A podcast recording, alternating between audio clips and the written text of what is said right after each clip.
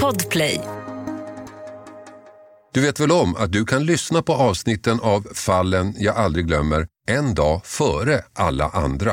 Redan på torsdagar kan du lyssna på podden på podplay.se eller i appen Podplay. Och naturligtvis är det gratis.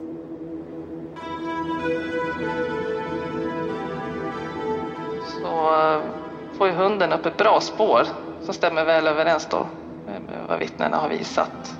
De måste ju söka säkert för de kan ju faktiskt stöta på de här gärningspersonerna som de har ju visat sig vara riktigt farliga.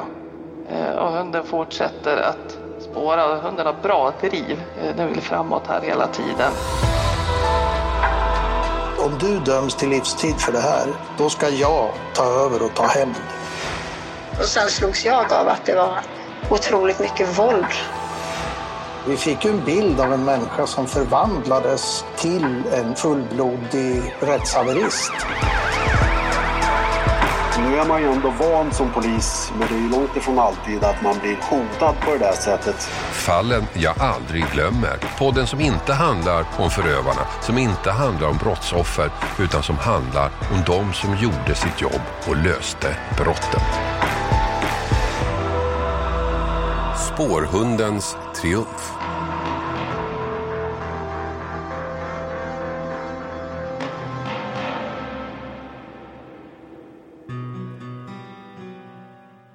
Det blir en intensiv decembernatt där i Sundsvall 2019. Telefonerna går varma hos larmcentralen, en man avrättas, brottsplatsundersökning pågår och en hund jagar gärningsmännen. Allt på en och samma natt. Så det skulle kunna ha blivit en snabb historia, en hastig utredning och ett kvickt avslut. Men så blir det inte. För trots att allt såg klart ut väldigt tidigt drog hela historien ut i månader, ja år.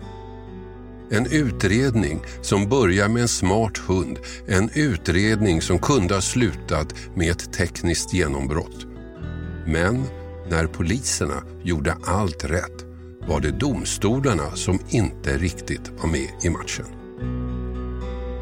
Vi tyckte ju att vi hade ett bra ärende, bra fall, men eh, ja, det visade sig att eh, det är inte alltid så lätt som man tänker sig att det ska vara.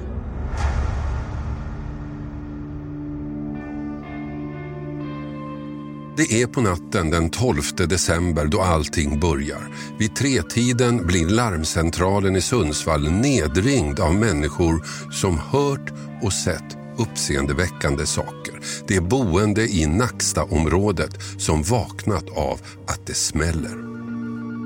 Så här berättar Maria Öberg på polisen i Sundsvall. En del tror att det är smällare och en del är ganska övertygade om att det är skottlossning. Många av de som ringer in är rädda och skärrade och vissa har ju tittat ut genom fönstren också och ser att det ligger en person på marken och att det även står tre personer runt omkring den här personen på marken. Något vittne har också sett att det har avfyrats ett skott mot eh, personen som ligger på marken där. Någonting allvarligt har hänt, den saken är klar. Första patrullen som eh, kommer fram anträffar en man på plats eh, som ligger på marken. Den här mannen har blod på sig och det ligger liksom, ja, det är blodpölar under honom. Och det här syns ju ganska väl när de kommer fram för det här är ju december, det är vinter och det har också kommit lite snö. Eh, så att det ligger snö på marken. Så blodet syns väldigt väl mot snön. Det ligger en skjuten man på marken, ett grovt brott har begåtts. Och nu går det fort. Nu händer allting samtidigt. Att försöka rädda mannen, att försöka få en uppfattning om vad som har hänt, att försöka hitta gärningsmännen. Den första patrullen som kommer fram på platsen, de delar ju upp sig. De tittar givetvis till den här mannen först och eh, tar över hjärt och lungräddning som ett av eh, vittnena har påbörjat. Och det här gör man då innan ambulansen eh, kommer fram. Den andra polisen försöker skapa sig en överblick över vad som har hänt och framför framförallt om gärningspersonerna kan finnas kvar på platsen. När den här andra polisen försöker bilda sig den här uppfattningen om eh, vad som har hänt så eh, är det flera vittnen som hör av sig till den personen och, och berättar om att det finns ja, att de har iakttagelser på att det är tre mörkklädda gärningspersoner som har försvunnit från platsen. Och de kan peka ut vilken riktning också, att det är liksom ner mot Nacksta centrum och det är ett industriområde som ligger i närheten. Och nu ska tre saker göras parallellt. Ta offret till sjukhuset och försöka få fram vem han är. Säkra brottsplatsen för att hitta spår. Och tydligen följa de eventuella gärningsmännen som kan vara nära. På Sundsvalls sjukhus så eh, fortsätter man ju med de livsuppehållande åtgärderna. Men man kan också konstatera att han har han blivit skjuten minst nio gånger eh, i höften, armen och bröstet. Mannen hade legitimation på sig och man kunde då identifiera honom att han var, hette Filip och 28 år. 28-årige Filip är känd av polisen sedan tidigare för våldsbrott för narkotikabrott. Men utredarna lyckas inte få någon information av honom för där och då på sjukhuset dör han av sina skador.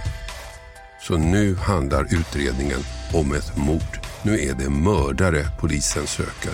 Ett mord som begåtts alldeles nyss. En hundpatrull kommer ju också till Nacksta då och utifrån vad vittnena har sagt och pekat ut de här tre gärningspersonerna i vilken riktning de har eh, rört sig i så får ju hunden upp ett bra spår som stämmer väl överens då med vad vittnena har visat. Och hundpatrullen börjar då sitt sök. De får ju också ta i beaktning att de måste söka säkert för de kan ju faktiskt stöta på de här gärningspersonerna som de har ju visat sig vara riktigt farliga. Sökhunden får upp spår direkt. Färska spår, spår som är lätta att följa. Så nu börjar jakten. Hunden spårar först mot ett industriområde där patrullen är tvungna att ja, passera staket och innan de kommer upp på ett tågspår. De är tvungna att ropa på radion om att de vill ha tågstopp så att de säkert kan jobba vidare där på rälsen. Patrullen kan ju också se skospår i snön från eh, tre personer. Efter en stund så viker de här spåren av från tågrälsen eh, och hunden fortsätter att spåra och hunden har bra driv. Eh, den vill framåt här hela tiden. Sedan kommer man fram till ett träd. Där blir hunden väldigt intresserad av. Patrullen tänker först där att eh, gärningspersonerna kan finnas kring det här trädet. De drar ju vapen och är beredd på den situationen som de kan möta. Det är tre personer som hunden jagar, den saken är klar. Och där, vid trädet, blir hunden väldigt upphetsad. Någonting finns där, den saken är klar. Eller någon, eller några. Situationen blir spänd. Hundföraren, som är ensam, drar sitt vapen och är beredd på det värsta. Samtidigt pågår den tekniska undersökningen av brottsplatsen.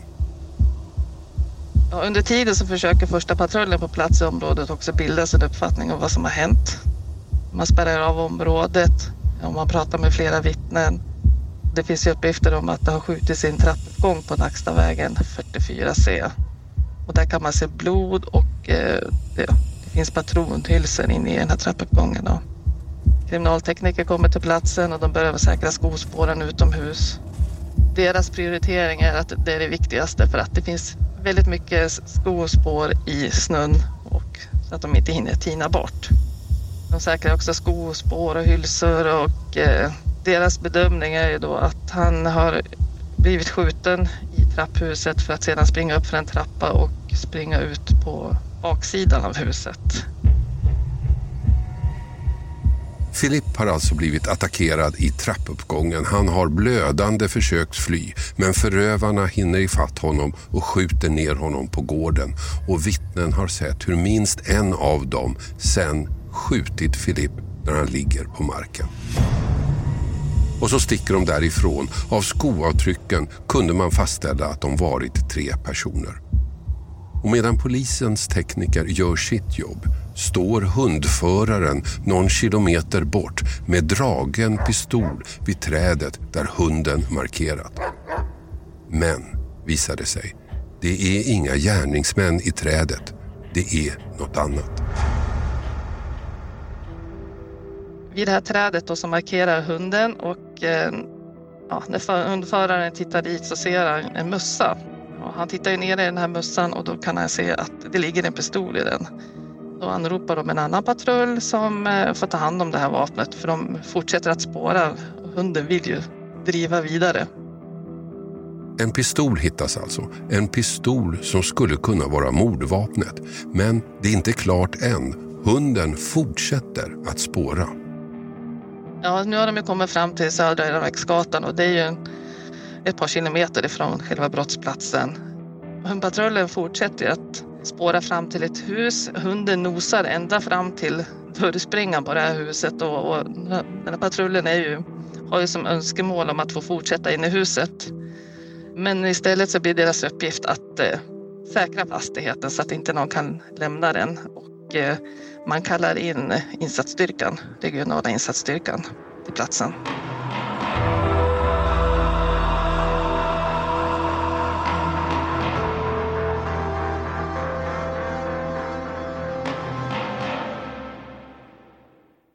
Den här veckan har vi ett betalt samarbete med Tre, ni vet teleoperatören. Den jag själv har faktiskt och är väldigt nöjd med. Men det är många som tror att Tre inte har särskilt hög täckningsgrad, vilket är fel.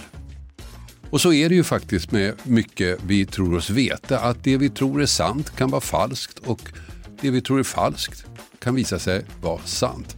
Jag hade faktiskt ett telefonsamtal med en kompis för inte så länge sedan, via tre då förstås, och vi snackade om myter. Och jag tycker mig ha koll på sånt, vad som är sant och vad som är falskt. Men det är inte alltid så lätt. Till exempel berättade min kompis, ni vet om myten att svalor flyger lägre när det ska bli dåligt väder. Falskt sa jag, men det visade sig vara helt sant. Och så det här att man, om man duschar varmt på sommaren så blir man svalare. Det trodde jag inte heller på, men det visade sig också vara sant. Så det blev lite en aha-upplevelse för mig. Men så pratar vi om vår gemensamma operatör. Ja, de har ju väldigt bra täckning, sa han. Och där visste jag att han har rätt.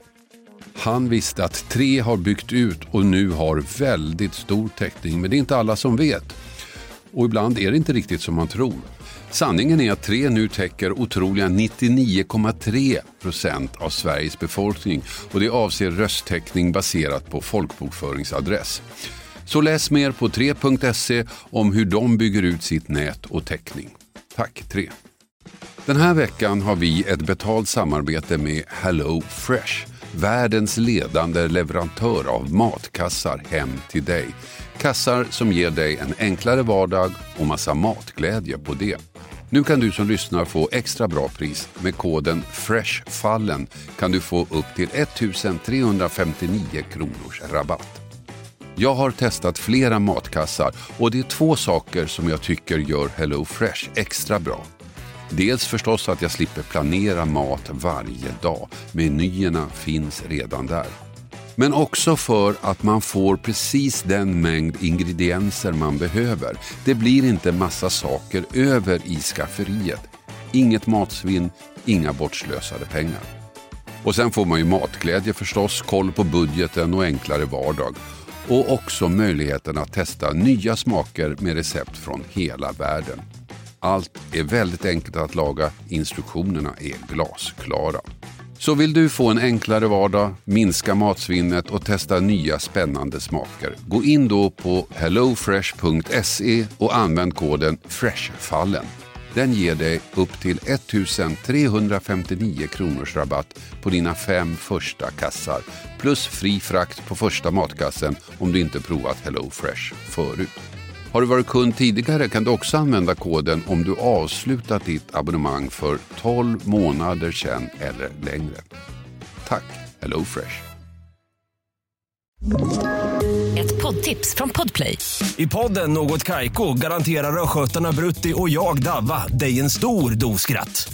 Där följer jag pladask för köttätandet igen. Man är lite som en jävla vampyr. Man har fått lite blodsmak och då måste man ha mer. Udda spaningar, fängslande anekdoter och en och annan arg rant. Jag måste ha mitt kaffe på morgonen för annars är jag ingen trevlig människa. Då är du ingen trevlig människa, punkt. Något kajko, hör du på podplay. Därför är gardinerna. Där inne i huset finns de alltså. Tre personer som kan vara gärningsmännen. Tre personer som hunden spårat hit ända från mordplatsen. Tre personer som kan vara livsfarliga. Och nu får inte hundföraren gå in själv. Nu är det allvar. Nu kommer insatsstyrkan.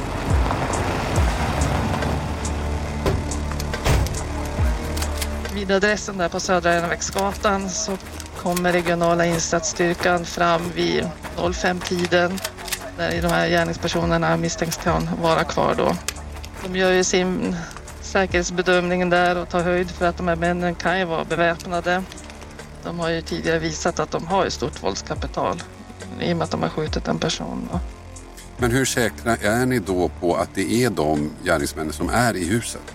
Det är väldigt mycket som tyder på att det är de här personerna eftersom man är så kort tid efter dem eh, och har spårat dem så snabbt in på själva händelsen.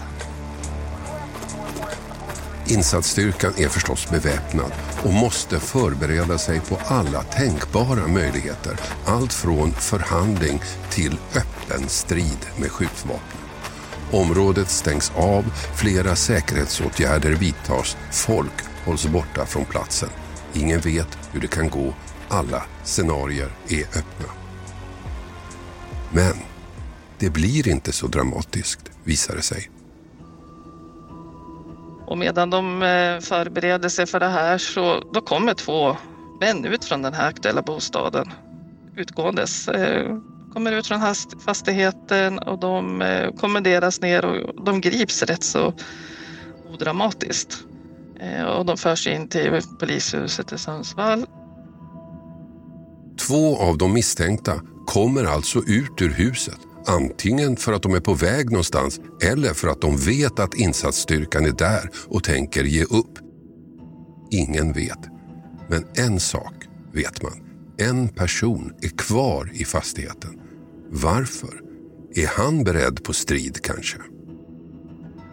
Regionala insatsstyrkan de planerar ju då för att ta sig in i fastigheten för troligtvis så är åtminstone minst en gärningsman kvar i det här huset då. Efter cirka 50 minuter då så går de mot den här tre Dörren är olåst och inne i lägenheten så finns det en person som ligger och sover på en madrass i den här lägenheten. Då.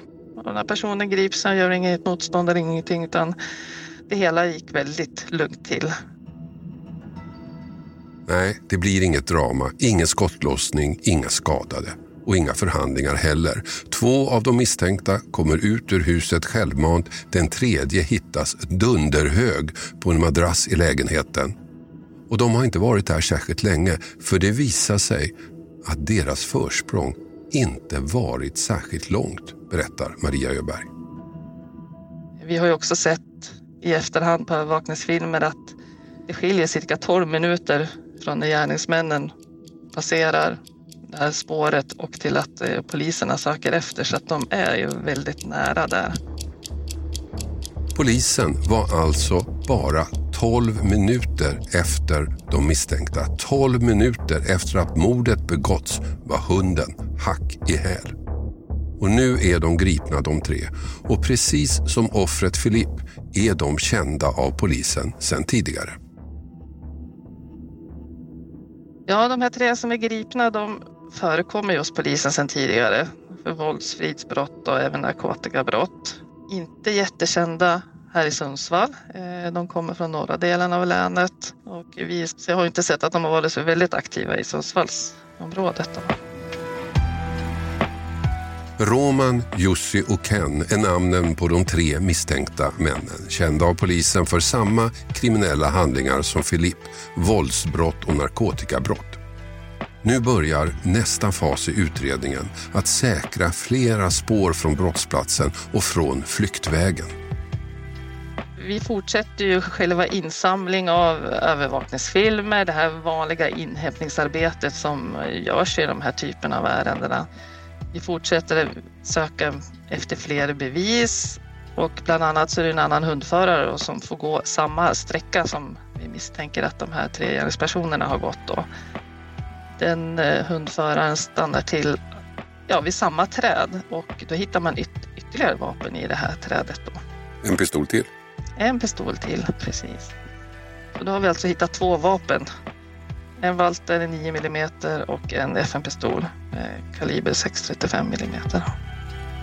Tre timmar efter mordet är de tre mördarna gripna och två pistoler hittade allt tack vare spårhundarna. Utredningen går in i nästa fas och det är nu som utredarna stöter på sitt största problem. Nämligen att hitta kopplingen mellan offer och gärningsmän. Hur kände de varandra och varför skulle de tre mörda Filip? Så vi kollar upp kopplingarna mot eh, Filip eh, under utredningen och vi kan ju inte se att de har någon direkt koppling till varandra. Vi hittar ingen koppling, direkt koppling. Det måste vara ett problem. Eh, ja, det är det ju. Eh, motiv är ju alltid bra att ha med sig. Det är viktigt med motiv för att kunna se vad är det som har orsakat och vad är det som gör att de här personerna har skjutit en annan person och dödat honom. Och de misstänkta männen, ja de nekar till att de överhuvudtaget kände Filip, än mindre har träffat honom. Vi håller ju förhör också med de misstänkta för att se om, om de kan berätta någonting om Filip, men de förnekar all eh, kännedom om honom, eh, säger att de inte vet vem han är. Ingen koppling innebär inget motiv. I sådana här ärenden, vid den här typen av brott, brukar mobiltelefoner ge viktiga spår. Chattar och annat där gärningsmännen planerar sitt brott, där offret luras till en brottsplats och där kopplingarna mellan de inblandade står svart på vitt. Men inte i det här fallet. Mobiltelefonerna ger ingenting. Det fanns bara en nämligen. En enda den enda mobiltelefon vi har i det här i beslag eftersom eh, ingen av de här personerna hade någon mobiltelefon på sig när de greps. Utan en mobiltelefon hittas ju i den här eh, lägenheten dit de gick efter skjutningen. Där hittar vi en mobiltelefon som är sönderbruten, sönderböjd. Så att eh, vi får inte ut någon information ifrån den. En enda mobiltelefon hittades alltså. En och den var knäckt rent bokstavligt. Den var så böjd att den helt enkelt gått av på mitten, helt förstörd. Inte ens specialisterna på polisens nationella forensiska centrum, NFC, lyckas ta sig in i telefonen. Den här telefonen skickar vi till NFC för att se om de kan komma in i den och tömma den på någon slags information.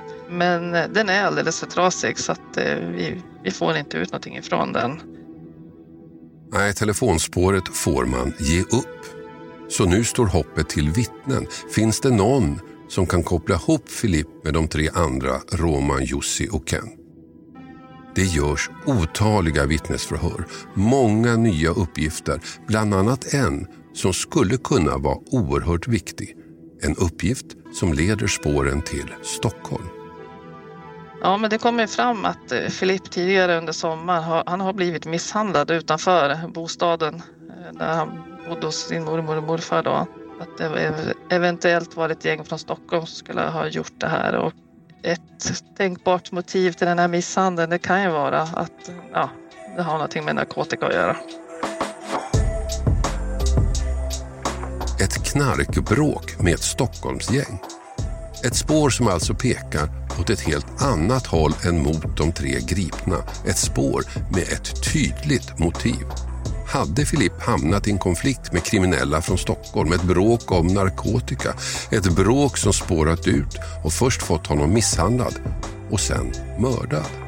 Det låter inte otroligt. Så utredarna lägger ner stora resurser på att kartlägga det här spåret och svaret man kommer fram till är ganska tydligt. Ja, han hade blivit misshandlad. Men det hade ingenting med mordet att göra, menar Maria Öberg. Vi ser inte att den händelsen har någon koppling till eh, skjutningen. Det spåret gav ingenting. Men i förhören med vittnena dyker plötsligt en annan historia upp. En händelse flera av vittnena berättar om.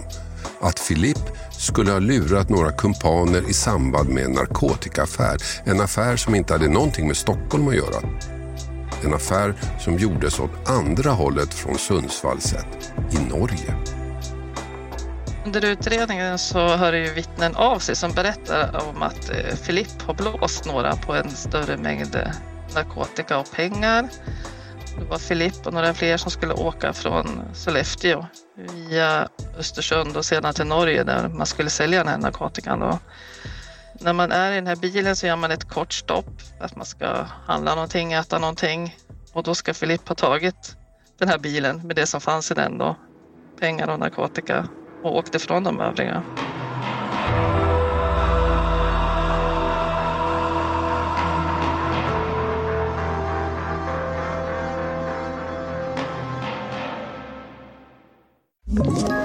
Ett poddtips från Podplay. I podden Något Kaiko garanterar östgötarna Brutti och jag, Davva, dig en stor dos skratt. Där följer jag pladask för köttätandet igen. Man är lite som en jävla vampyr. Man har fått lite blodsmak och då måste man ha mer. Udda spaningar, fängslande anekdoter och en och annan arg rant. Jag måste ha mitt kaffe på morgonen för annars är jag ingen trevlig människa. Då är du ingen trevlig människa, punkt. Något Kaiko, hör du på Podplay. Därför är gardinerna. Ja, Filip skulle alltså ha blåst sina polare i en knarkaffär. Intressanta uppgifter för utredarna förstås, men det slutar inte där.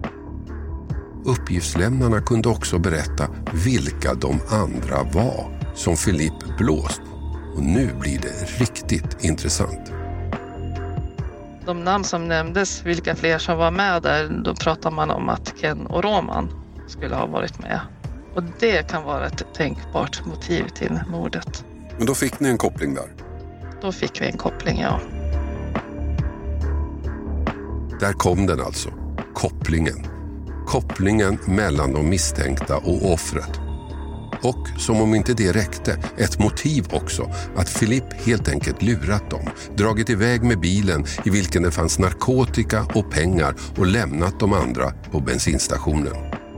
Så nu tycker sig utredarna ha fyllt tomrummet som jäckat dem.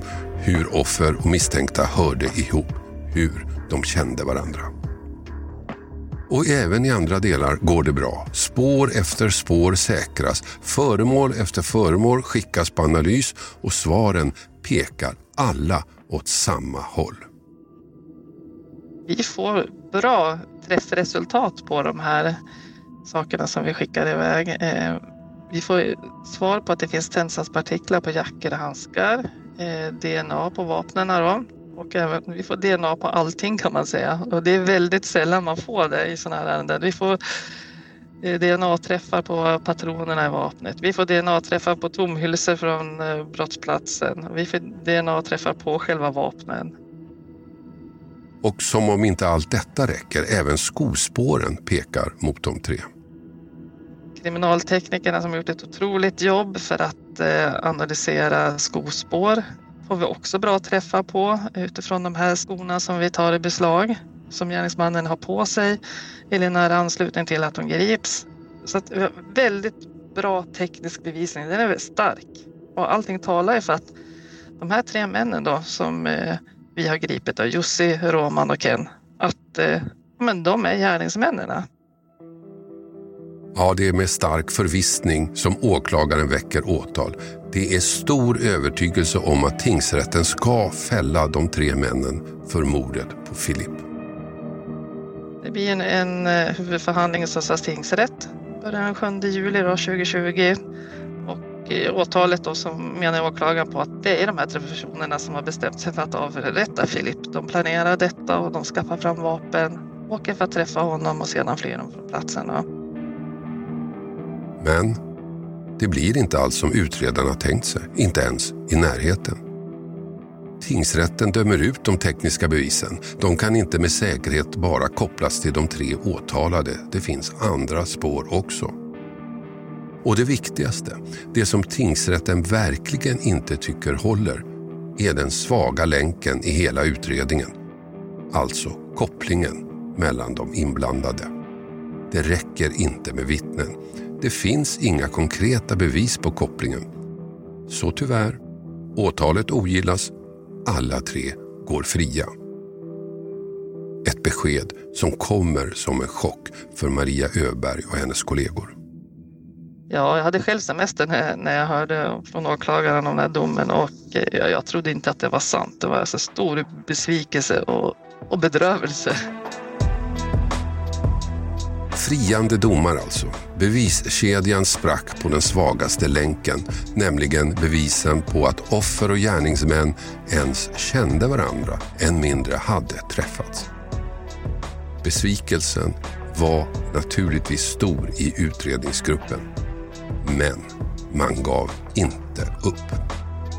Vi hade då ett möte tillsammans med åklagaren för att se vad, vad kan vi gå vidare med och vad kan vi göra för att eh, få en fällande dom? Där vi själva känner oss rätt övertygade om att det är de här som är gärningspersonerna då. Det fanns ju en sak, en möjlighet, en chans, en sista åtgärd. Mobiltelefonen, den som hittades i lägenheten där de tre greps, den som var knäckt. Den som NFC misslyckats med att ta sig in i. Ett sista halmstrå. Ja, den mobilen skickar vi då till NOA, då, alltså polisens nationella operativa avdelning. Eh, och där fanns det en expert som tog sig an den här mobilen. Och den här gången blev det träff. Den här gången lyckades det. Han monterade isär den, men han lyckas till slut komma in i den och få ut information. Ja, jag vet inte i detalj vad han gjorde med telefonen mer än att det var väldigt bra för oss. Ja, nu fick utredarna de sista pusselbitarna. Där kunde vi då se att eh, Ken och Filip hade chattat med varandra på kvällen före mordet. Eh, Filip skriver vart kom till 44C och de har även kontakt med varandra strax före att mordet sker. De hade alltså stämt träff, de misstänkta och Filip. De skulle mötas precis där och då mordet begicks. Men det räckte inte med det. Annan information finns också i telefonen. Och I mobilen fanns det också filmer där man kunde se hur FM-pistolen hanterades, alltså den här 635 mm eh, hanterades. Och, eh, vi kunde jämföra med andra filmer också som fanns i den här mobilen och, och säga att det var Ken då som hanterade vapnet på de här filmerna.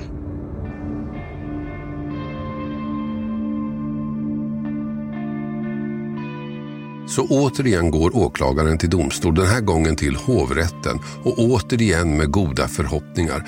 För det som tingsrätten tyckte saknades, nämligen kopplingen, den fanns nu klar och tydlig. Men ändå händer något märkligt. Rättegången avslutas en fredag och åklagaren yrkar på att de tre ska häktas i väntan på domen. Men hovrätten återkommer inte med något beslut i det ärendet. En av de tre, Ken, sitter redan i fängelse för ett annat brott så han förs tillbaka dit. Men de andra två, Jussi och Roman, ja, de går helt enkelt därifrån. Vilket naturligtvis gör Maria Öberg och de andra utredarna oroliga. Ja, man kan ju tolka det på två olika sätt. Dels så tycker hovrätten inte att bevisningen räckte till eh, för en fällande dom vi var nog inte riktigt i de tankebanorna, eh, vi utredare och åklagaren, utan vi tänkte nog mer att hovrätten behöver längre tid på sig att fatta det här beslutet. Helgen går. Först den 22 januari kommer beslutet. Alla tre är skyldiga. Alla tre döms för mordet. Men då är det för sent.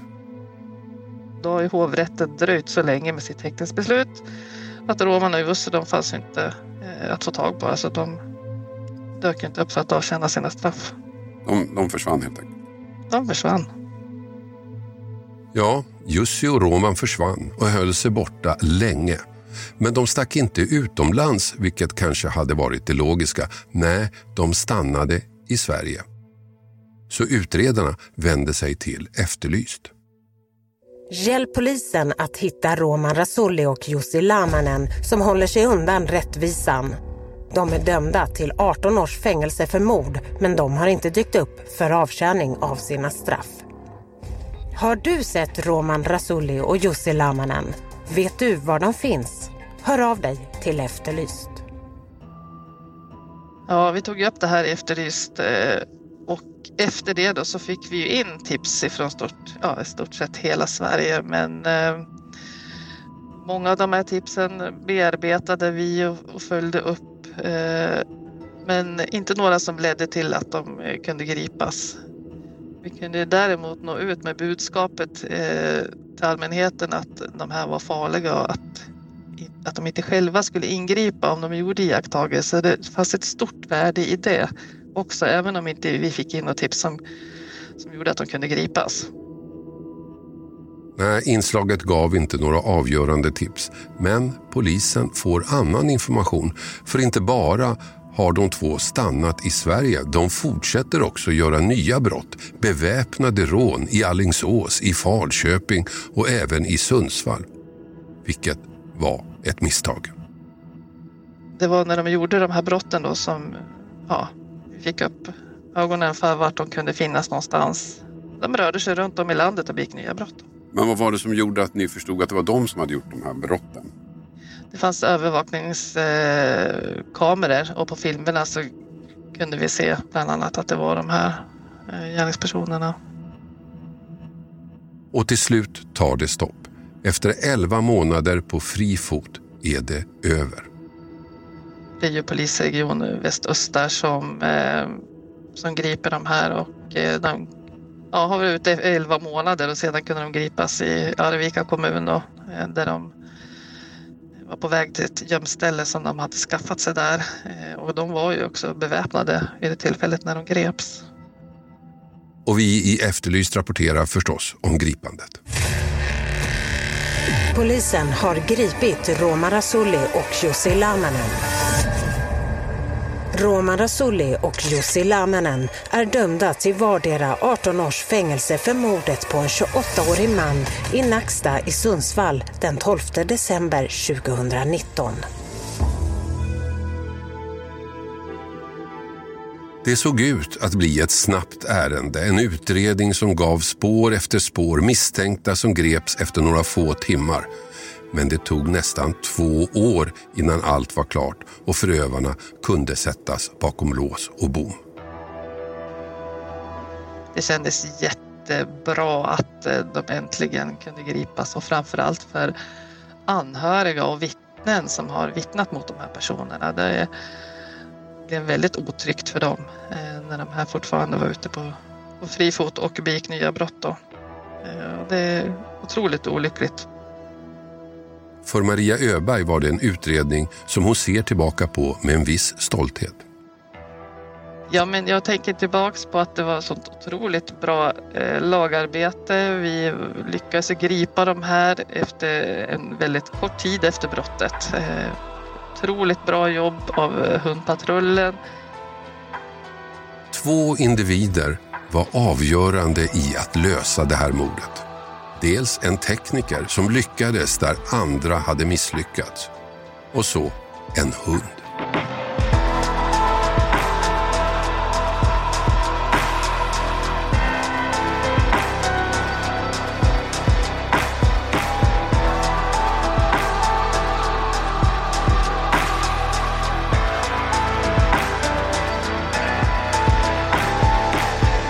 Du har hört podden Fallen jag aldrig glömmer Klippning David Davva Persson.